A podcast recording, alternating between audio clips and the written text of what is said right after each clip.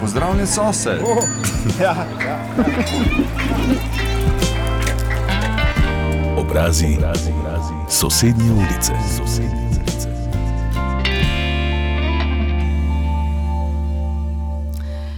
Lepo pozdravljeni, slab mesec po koncu 60. mednarodno kmetijsko-živilskega sejma Agra je naš gost, prvi mož pomorskega sejma, gospod Janez Rjavec. Skoraj 30 let ste na čelu te sejmarske družbe, ki je šla skozi turbulentne čase, najbolj pa je sejmarsko dejavnost prizadela pandemija COVID-19. Gospod Rjavec, lep dober dan in dobrodošli v naši družbi. Ja, lep dober dan tudi vam in hvala za povabilo. Torej, um, gospod Rjavec, rojeni ste v Mariboru, če se ne motim, tukaj ste tudi študirali, a odraščali ste na Ženjaku pri Benediktu, kjer je danes vaš prvi ali drugi dom? Ja, moj je prvi, od žene pa drugi. torej, eh, ste gradbeni inženir, svojo poklicno pot pa ste začeli pri stavbarju. Ne? Študentska leta pa ste preživeli tukaj v Mariboru, da začneva tam. Tako je. Ja, eh, dijaška in študentska leta sem preživel v Mariboru, oziroma eh, za vikende in eh, v zadnjih letih kot študent sem pa eh, seveda eh, preživel več ali manj doma. Gradbeništvo ste študirali, ne? Tako je. Zakaj gradbeništvo? Ja, moram reči, da eh, sem nekako odraščal v, na kmetiji. Eh, ker je eh, mama bila eh, kmetica oziroma je vodila kmetijsko gospodarstvo, oče je pa bil gradbenik in je imel tudi svoje podjetje, gradbeno podjetje.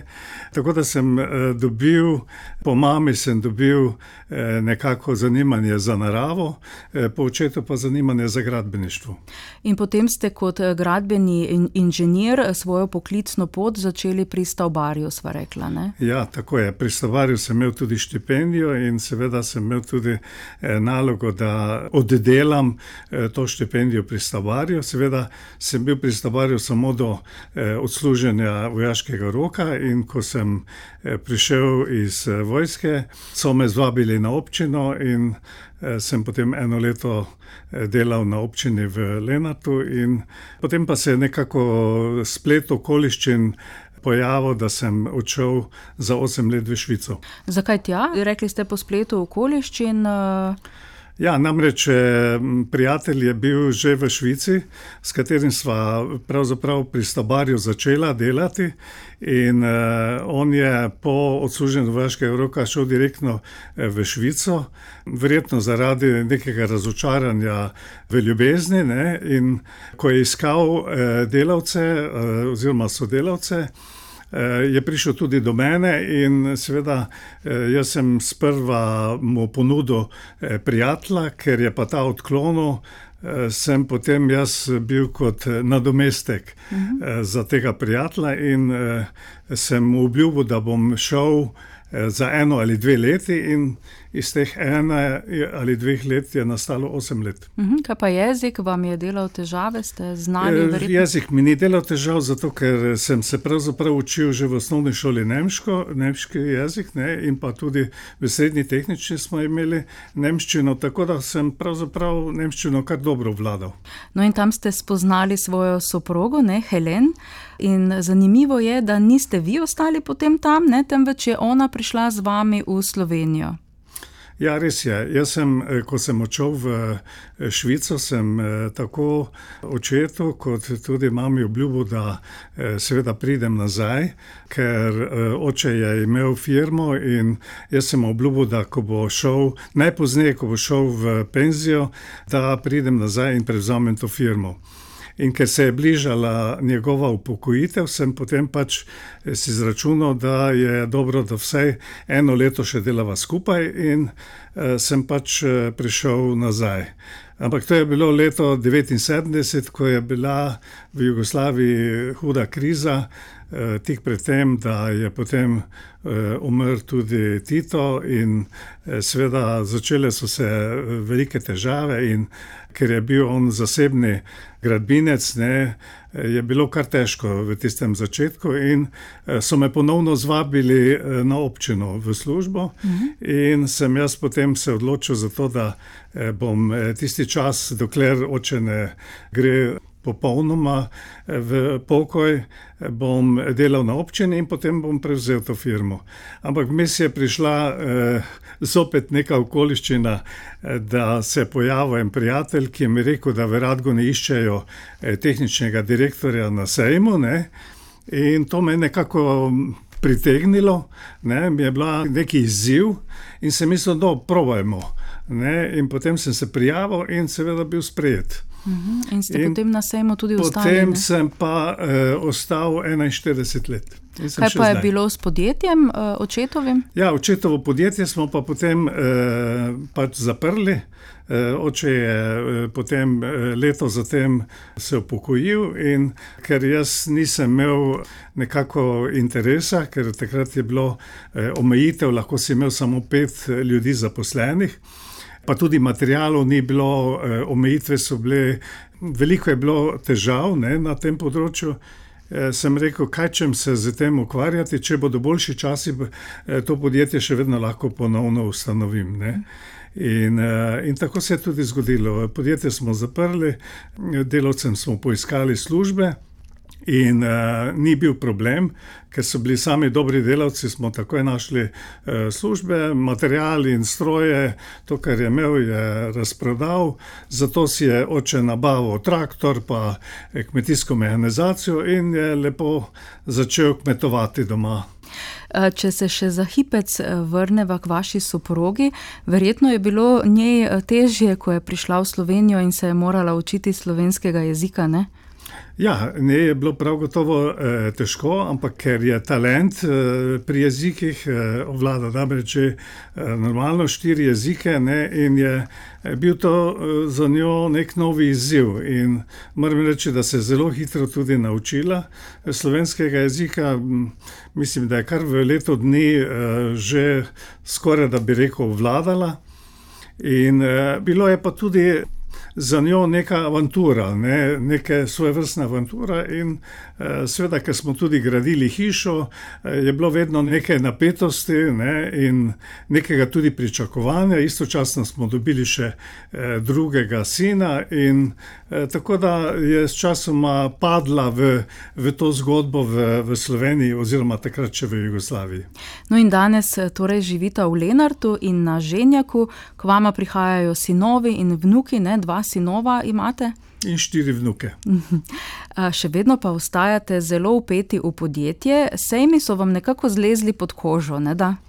Ja, ko sem prišel na sejem, sem sprva mislil, pa to ni zame, to je nekaj čisto drugega, jaz sem si predstavljal, da bom gradbenik, da bom gradil hiše, da bom gradil mostove, skratka, da bom se posvečal gradnji, ne. Potem pa prideš na čisto neko drugo področje, ki ga ne poznaš, ker sejmarstva se ne naučiš v nobeni šoli, to ti ne da, ne da nobena fakulteta. In potem nekako s časom, ko vedno bolj se poglabljaš, tudi bolj lezeš v ta posel, in spoznal sem ogromno ljudi, ne samo v Sloveniji, takrat še, še v Jugoslaviji, pa tudi v tujini, in to je mi dalo tudi neko, neko drugo širino in neko drugo dimenzijo. In zato sem nekako vztrajal, ne, saj ne bi, ne bi vztrajal, če ne bi šlo, ampak ker smo potem nizali uspehe za uspehom, si nekako tudi to pripenjaš, te uspehe, in nekako te to tudi motivira za naprej. Obrazi sosednje ulice. Dolgoletni predsednik uprave Pomurskega sejma, Janez Erjavec, je danes z nami. mislim, da bo prihodnje leto trideset let, odkar ste za krmilom te družbe v Gornji Radgoni, se motim? Ja, mogoče uradno bo, bo to res, ampak v bistvu sem eh, vodenje eh, podjetja prevzel že leta 1992, eh, ker je takratni eh, direktor enote eh, zbolel in sem pravzaprav eh, že prevzel vodenje eh, torej podjetja. Eh, čeprav takrat eh, še nismo imeli samostojnega podjetja, eh, šele v letu 1993 smo potem po sejmu, po kmetijskem sejmu ustanovili samostojno podjetje, skupaj takrat seveda z Ljubljanskim sejmom, ker je Ljubljanski sejem bil takrat še vedno 80-odstotni lasnik. Se pravi, najprej je bil pomorski sejem del poslovne enote Ljubljanskega sejma, potem pa ste eh, preoblikovali podjetje v delniško družbo, če se ne motim. Ne? Tako je. Do leta 1993 eh, je bil pomorski sejem eh, poslovna enota Ljubljanskega sejma oziroma prej gospodarske razstavišče. In je bila seveda prava pot, da se je sejem osamosvojil, danes verjetno ne bi bil več v taki obliki sicer ne. Ja, prav gotovo ne. Takrat je uh, bil pravzaprav pomorski sejem na razpotju. Ali uh, se osamosvojimo, ali oberemo tisto pot, da smo pač vedno nek, nek privesek Ljubljanskemu sejmu ali kasneje gospodarskemu razstavišču. In za nas je bilo pravzaprav nespremljivo, vse za mene osebno da eh, moraš eh, kot nek direktor poslovne enote eh, prositi za vsako naročilnico, za vsako, eh, za vsako investicijo, za vsako vzdrževanje eh, Ljubljano, če ti odobrijo ali ne. In smo rekli, uh, jaz sem se takrat odločil, ali uspemo z osamosvojitvijo, ali, uh, ali pa pustim to dejavnost in verjetno bi tudi v Radguni prevzel, oziroma to lokacijo, verjetno bi uh, odkupil nekdo drugi za kakšno uh, tovarno ali za kakšno trgovino ali za, za kakšno stanovanjsko gradnjo. Uh, skratka, ker lokacija je v centru mesta, ne, je zelo uh, zanimiva. Sveda za sejemsko dejavnost je pač eh, ekonomsko manj upravičena, ker pač lahko naredimo na leto eh, kvečemo dva ali tri sejme, ostali čas je pa ta lokacija pravzaprav prazna. Mhm. No, vam je uspelo obdržati to sejmarsko dejavnost, marsikomu ni, ne? tudi tukaj v Mariboru je sejmarjanje nekako eh, propadlo. Ja, tu je seveda odvisno od ljudi. Ne. Tu moraš imeti vztrajnost. Ne. Če bi e, seveda bil tu nekdo v Mariboru, ki bi pač uh, vztrajal pri tem, bi tudi tu lahko sejemsko dejavnost obdržali, ker Maribor je kljub temu mesto z zaledjem preko 100 tisoč ljudi in to je že dobra osnova, da lahko gradiš sejme. Ne. Radgona je seveda. Uh, primerjavi z Mariborom eh, palček, ne, kajti eh, Radguna premore 3000 eh, prebivalcev. Ne, In, in seveda zaledje, ki je tudi lahko vzameš celo pomorje, ne znese toliko kot recimo sam Maribor z okolico. Mhm. E, tako da ja, ni enostavno v takem majhnem kraju e, delati tako velike sejme, kot je recimo e, kmetijski sejem bi ga ne rad govoril. No, vam in vaši ekipi je seveda uspelo. Povejte, koliko sejmov je danes pod vašim okriljem? Ja, na programu imamo pravzaprav deset sejemskih vsebin. Vendar nekatere semske vsebine tudi združujemo. Tako recimo eh, pri Agri smo priključili tudi sejem Impact, embalaže, ki je bil nekoč eh, tudi samostojni sejem. Potem pri lovu smo dali sejem Naturo eh, zraven, ne. Eh, Sobro smo razširili na sejem obrambe, varnosti, zaščite in reševanja. Sveda tudi eh, medicina in taki sejmi, ki so manjši, recimo tudi pozdviva, ki smo ga naredili enkrat, pa mogoče bomo še ga čez nekaj let ponovno. Nekateri sejmi so pač tudi taki, ki jih naredimo priložnostno. To se pravi, če je neka tema aktualna, ne, tako kot sejem zelenih tehnologij. Recimo, ko je bilo veliko govora o zelenih tehnologijah, smo pač mi eh, se dogovorili, da bomo naredili eh, sejem zelenih tehnologij.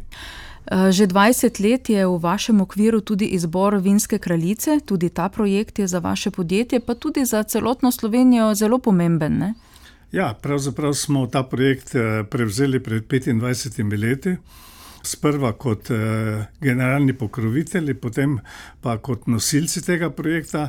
In eh, ta projekt je nekako dopolnilo k ostalim projektom, ki jih imamo v zvezi z vinom, kajti mi imamo tudi eh, zelo veliko ocenjevanje vin, to je vino Slovenija.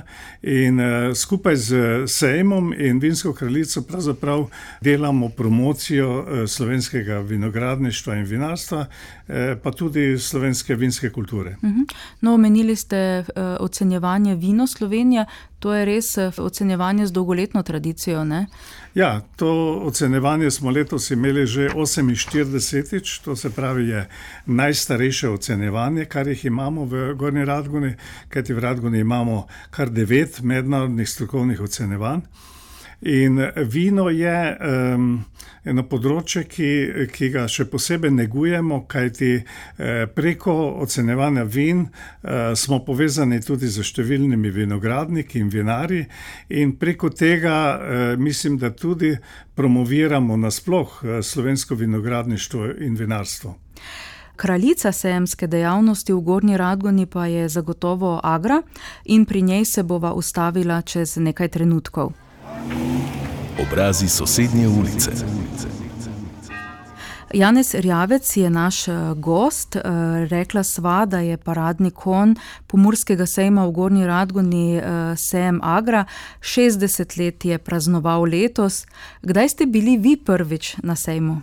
Ja, jaz moram reči, da sem bil že na prvem sejmu, ampak takrat, če kot učenec eh, osnovne šole, smo se v osnovni šoli Benedik odločili, da ne vem, kdo je dal to idejo, da se s kolesi peljemo v Radgono in eh, smo se odločili, da gremo pač v Radgono. Ampak da, eh, od eh, tistega sejma se spomnim edino zabavnega parka.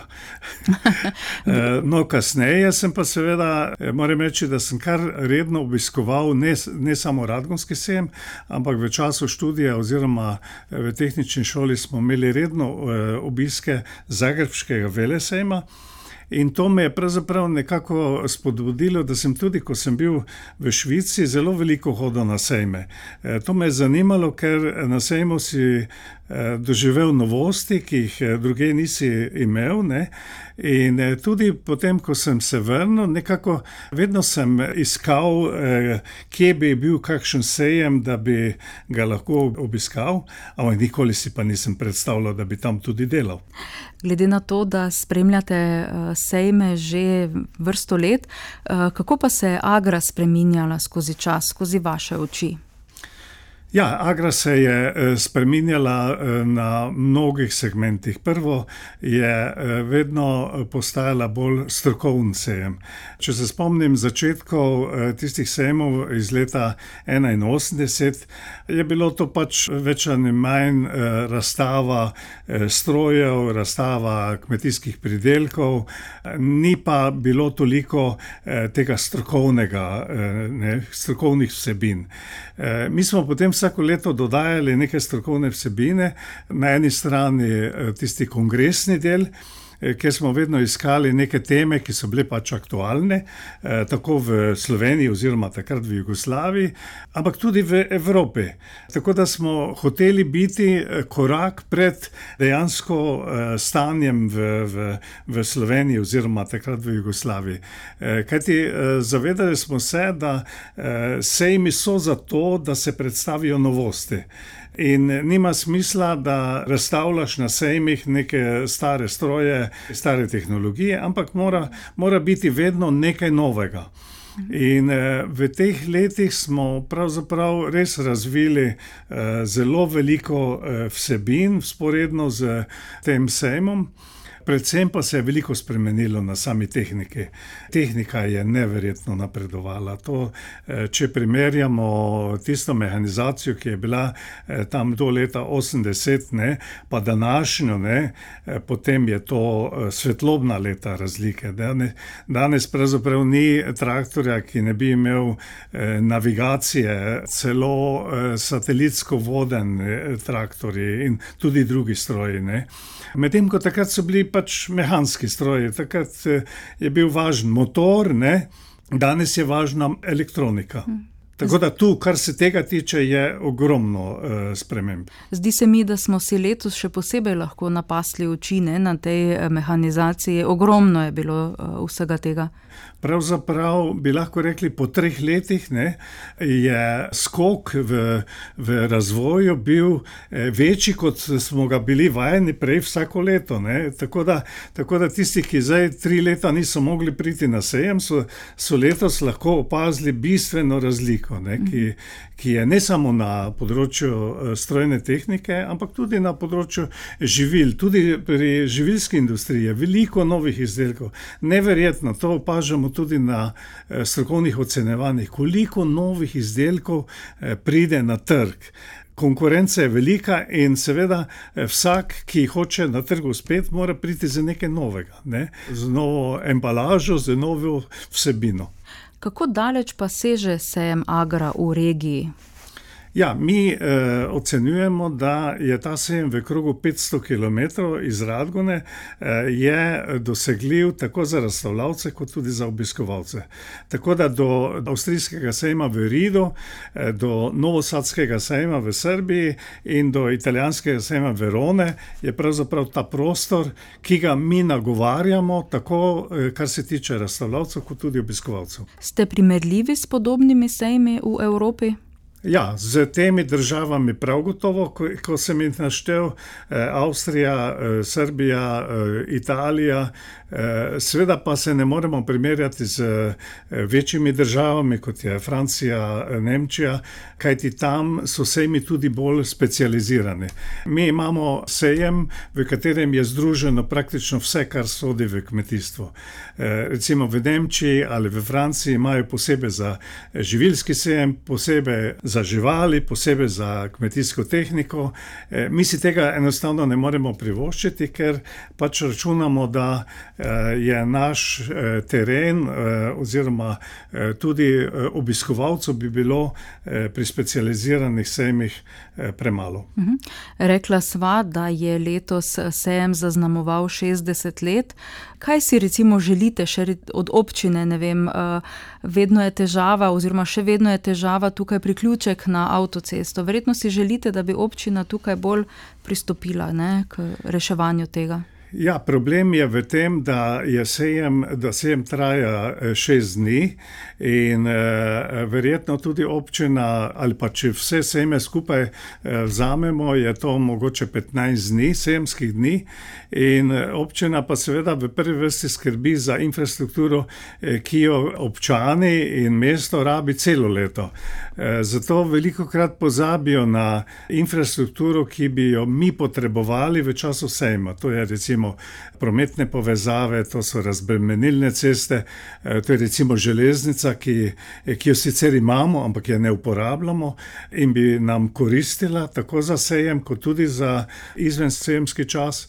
Potem seveda tudi druga infrastruktura, recimo parkirne površine eh, in tako naprej.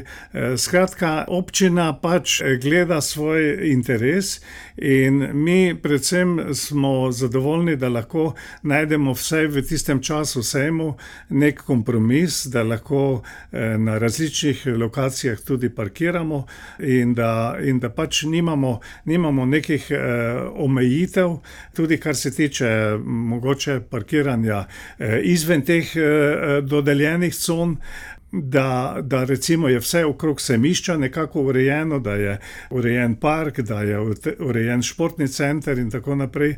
Tu jaz eh, ne vidim, jaz vidim, eh, mogoče bi bilo eh, dobro, če bi seveda prišel kak župan, ki bi rekel, evo, naredimo pa nekaj za to, da bo, da bo imel tudi sejem nekaj ne, od tega. Ampak mm -hmm. Tu žal do sedaj uh, nismo imeli. Mm -hmm. Ampak obiskovalcev je veliko, ne? še posebej letos jih je bilo. Zdelo se je, kot da so se vsi vrnili na sejem po treh letih. Na samo sejemsko nedeljo se je pred vhodom, to sem se prepričala na svoje oči, trlo obiskovalcev. V vrsti so čakali za vstop na sejem. Ja, jaz sem, jaz sem tudi so, so spoštovanje do teh obiskovalcev, kajti jaz moram reči, da so tudi ti obiskovalci, ki pridejo na sejem, eh, zelo strpni, zelo potrpežljivi, eh, znajo počakati, tudi skromni, tudi, tudi zelo pošteni. In eh, jaz moram reči, da imamo res odlične obiskovalce, takšne, kakršne mm, si verjetno bi vsak, vsako semišče želelo. Eh, res je, eh, da je mogoče za nedeljo, ko, ko pride 25 do 30 tisoč obiskovalcev, infrastruktura eh, malo šipka, ampak vesel sem, da so ljudje potrpežljivi in tudi so v stanju malo počakati. No, kmetijstvo je tovarna brez strehe nad glavo in je pred številnimi preizkušnjami o tem v nadaljevanju. Obrazi sosednje ulice. Gospod Rjavec, prvi mož pomorskega sejma, dolgo leta spremljate kmetijsko problematiko in pravite, da brez kmetijstva država nima prihodnosti. Prav gotovo. Jaz, eh, jaz sem prepričan, še posebej taka država, ki ima vse pogoje za kmetijstvo. Drugo je mogoče eh, neka eh, arabska država, ki ima drugačne pogoje, ampak Slovenija je država, ki ima odlične pogoje za kmetijstvo in seveda bila bi velika škoda, da bi kmetijske površine pozidali ali jih pustili propast ali jih pač uporabiti ali pustiti zaraščene. Eh, kajti eh, kmetijstvo ni samo pomembno za to, da pridelamo hrano, ampak je pomembno tudi za splošno kulturo neke, neke krajine, tudi ne na zadnje za turizem. Brez eh, recimo urejene, kultivirane krajine si ne znam predstavljati tudi ne turizma in seveda tudi zdravega prebivalstva. In ta kriza, ki je bila, rečemo, koronska kriza, je tudi pokazala, pa še posebej zdaj tudi ta vojna v Ukrajini, eh, so pokazale, da je, kako pomembna je tudi samo skrba. In mi bi na mnogih segmentih lahko v Sloveniji bili samo skrbni, eh, če bi seveda imeli ustrezno eh, cenovno politiko, da bi kmetom, ki proizvajajo neke proizvode, tudi ustrezno plačali te proizvode. Kajti tu je srč problema. Ni problem v tem subvencijah, v, v pomoči eh, ob naravnih nesrečah in tako naprej. Ampak srč problema leži v eh, dostojni ceni kmetijskih pridelkov. A zdi se, da država nima prave vizije glede tega kmetijstva? Ne?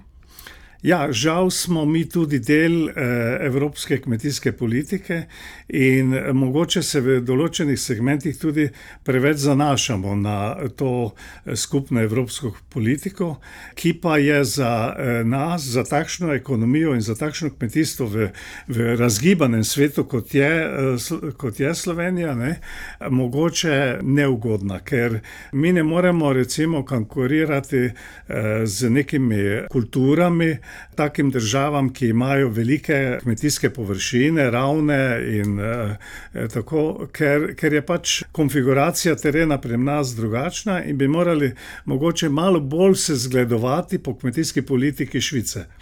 Če se ustaviva še pri pandemiji, eh, ta je industrijo srečan, kamor spadajo tudi sejmi močno prizadelane. Kako ste sploh lahko preživeli?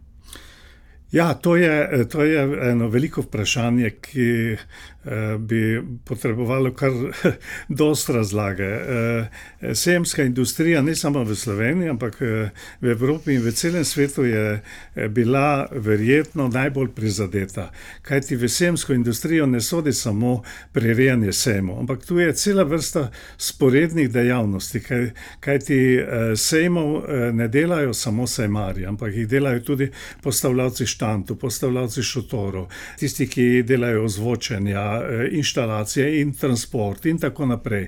In recimo mi v Sloveniji nismo naredili neke eh, detaljne analize, koliko je bilo izpada v celoti eh, na tem področju. Recimo Nemčija je imela na letni ravni 25 milijard izpada glede, zaradi eh, sejemske dejavnosti. Mi smo sicer imeli neke ukrepe, ki, so, ki smo jih lahko koristili, predvsem kar se tiče eh, skrajšanega delovnega časa in eh, recimo tudi delo na domu, ampak glavni problem ni bil v tem času korone finančni spad. Ampak glavni problem je v delovni sili. Kajti, recimo, veliko sposobnih ljudi v času, ko je kriza v neki branži, odide in semarja ne moreš narediti v enem letu. Za semarja rabiš pet ali pa deset let, in če ti odide, je to mnogo večja izguba, kot če imaš finančni izpad. Kajti, moraš investirati v novi kader, preden ga ponovno naučiš te dejavnosti.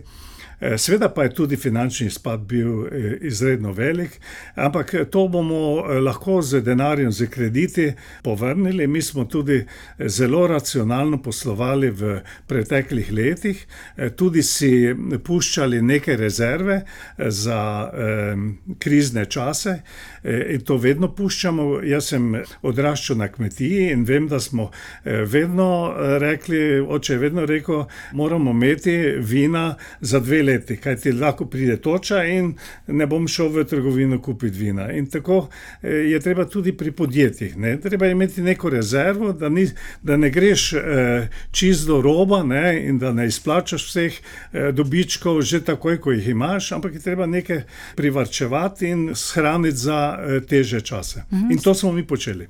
Gospod Erjavec, nekaj časa je bilo mogoče slišati, da sejmi izgubljajo svojo veljavo, pred pandemijo se je o tem govorilo. A prav epidemija je zdaj pokazala, kako pomembni so, ne. Pomemben je ta neposreden stik, tudi stisk roke nenazadnje, ne. Ja, nekako so se začeli ravno v tej epidemiji zatekati v virtualne sejme. Ampak že po enem letu so vsi ugotovili, da to, da s tem ni kruha, da tu ni, ni rešitev. Tudi mi smo leta dva tisoč dvajset se zatekli v virtualni sejem, ampak smo ugotovili, da to je lahko samo en sejem, ki ga tako premostiš. Tudi po izkušnjah iz Nemčije in Avstrije, Švice in drugih držav smo ugotovili, da so ti virtualni sejmi imeli slab učinek. Sejmi so zato, da se ljudje družijo, da, da pride do kontaktov, da se poslovni partnerji spoznajo, da obiskovalci spoznajo izdelke, da spoznajo tudi prodajalce in nenazadnje so sejmi tudi namenjeni druženju. Tudi zasebnemu. Tu na sejmu srečaš ljudi, ki jih mogoče celo leto ne srečaš, prijatelje, znance, in to je tudi ena, ena dodana vrednost, ki jo sejmi imajo. No, jubileji so pa neke prelomne točke, ko se ozremo nazaj, pa tudi naprej. In zato me zanima, kakšna je vaša vizija v Gornji Radgoni? Ja, jaz mislim, da moramo vztrajati na teh vsebinah, ki smo jih razvili. predvsem je naš paradni konj ali paradna disciplina sejem Agra, in ker sem že uvodoma rekel, da je brez kmetijstva ni Slovenije, ne, to tudi mislim. ne glede na to, kako se bo kmetijstvo naprej razvijalo, Slovenija potrebuje kmetijstvo in proizvodnjo hrane in mi bomo vlagali vse v to, da bomo poskušali biti čim bolj inovativni, da bomo poskušali pritegniti v Radgono vse tisto, kar je novo, kar, kar nakazuje tudi neko prihodnost. In v tej smeri pravzaprav bomo vključevali tudi druge vsebine, ne, ki so prav tako pomembne. Zdaj je pomembna recimo energija. Mi bomo veliko vlagali v to, racionalna raba energije, potem tudi trajnostna gradnja, trajnostno kmetovanje, nasploh trajnostno življenje, trajnostni odnos do okolja. In to so vsebine, ki, ki so prav gotovo zanimive in bodo aktualne tudi v naslednjih desetletjih. No, po predahu pa bomo gospoda Erjavca vprašali tudi, kaj počne, ko ni na sejmu. Obrazi sosednje ulice. Gospod Janez Erjavec, ustaviva se še ob koncu pri vašem življenju izven sejma. počasi krmilo nekako predajate mlajšim generacijam, sin Boris gre po vaši poti, ampak vi ostajate, ne? Ja, če bi zdaj eh, hotel povedati vse, kar delam, tudi še poleg eh, službe, bi rekli, ja, kdaj pa hodiš v službo. Eh, Kaj ti poleg službe še imam kupico aktivnosti, eh, vzdržujem eh, kmetijo, ki sem jo podedoval, sem tudi obnovil, ker kot gradbenik mi je Tam ste uresničili svojo posebej- žilico, ne?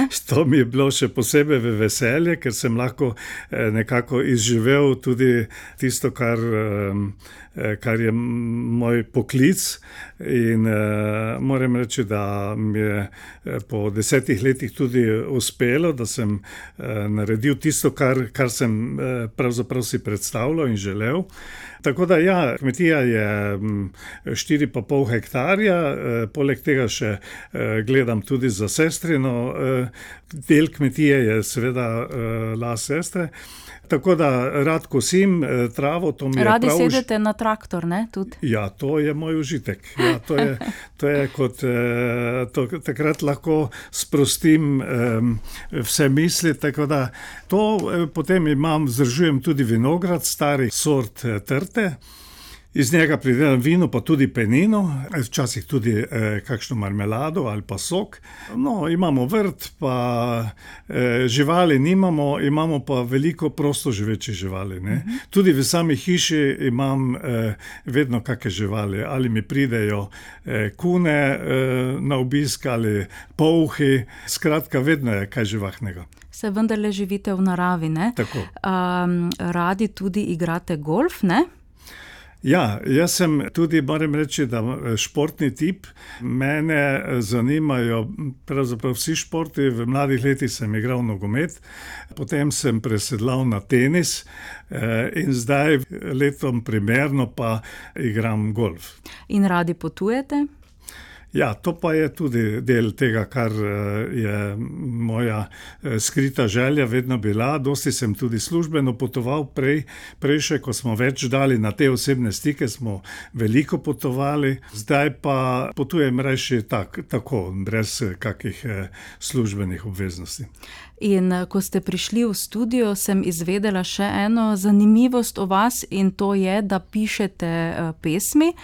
Kako ste se lotili tega? Ja, v bistvu, v bistvu sem eh, razmišljal, ko je nastopila ta korona, da moram nekaj napisati o eh, svojem življenju, da, da ne pozabim, ne, predno, predno še mi delajo možgani.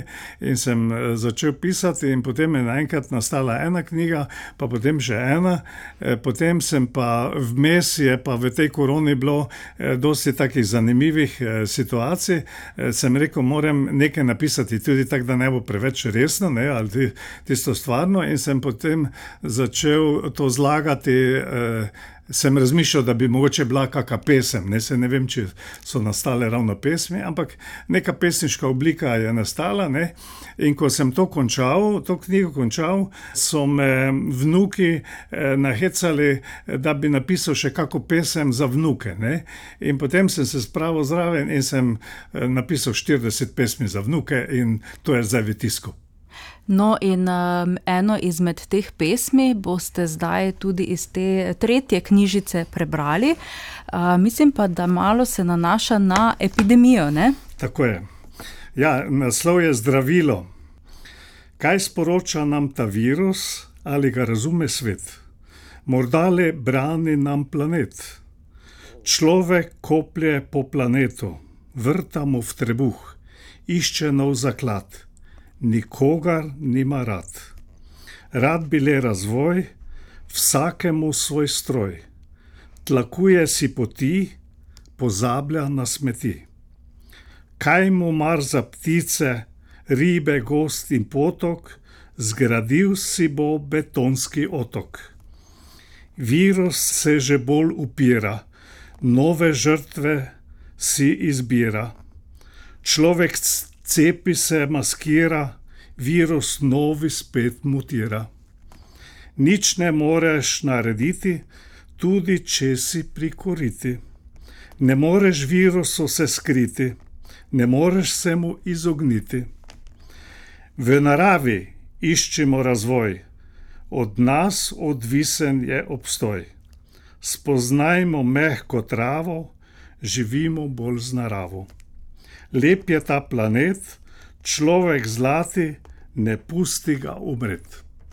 Hvala lepa, gospod Rjavec. Kaj reči ob koncu? Uživajte v tem, kar imate radi, in hvala, da ste bili naš gost. Hvala tudi vam za povabilo. Odajo pa sva pripravila Nataša Kuhar, za zvokovno podobo pa je poskrbel Goran Glavičič. Obrazi sosednje ulice.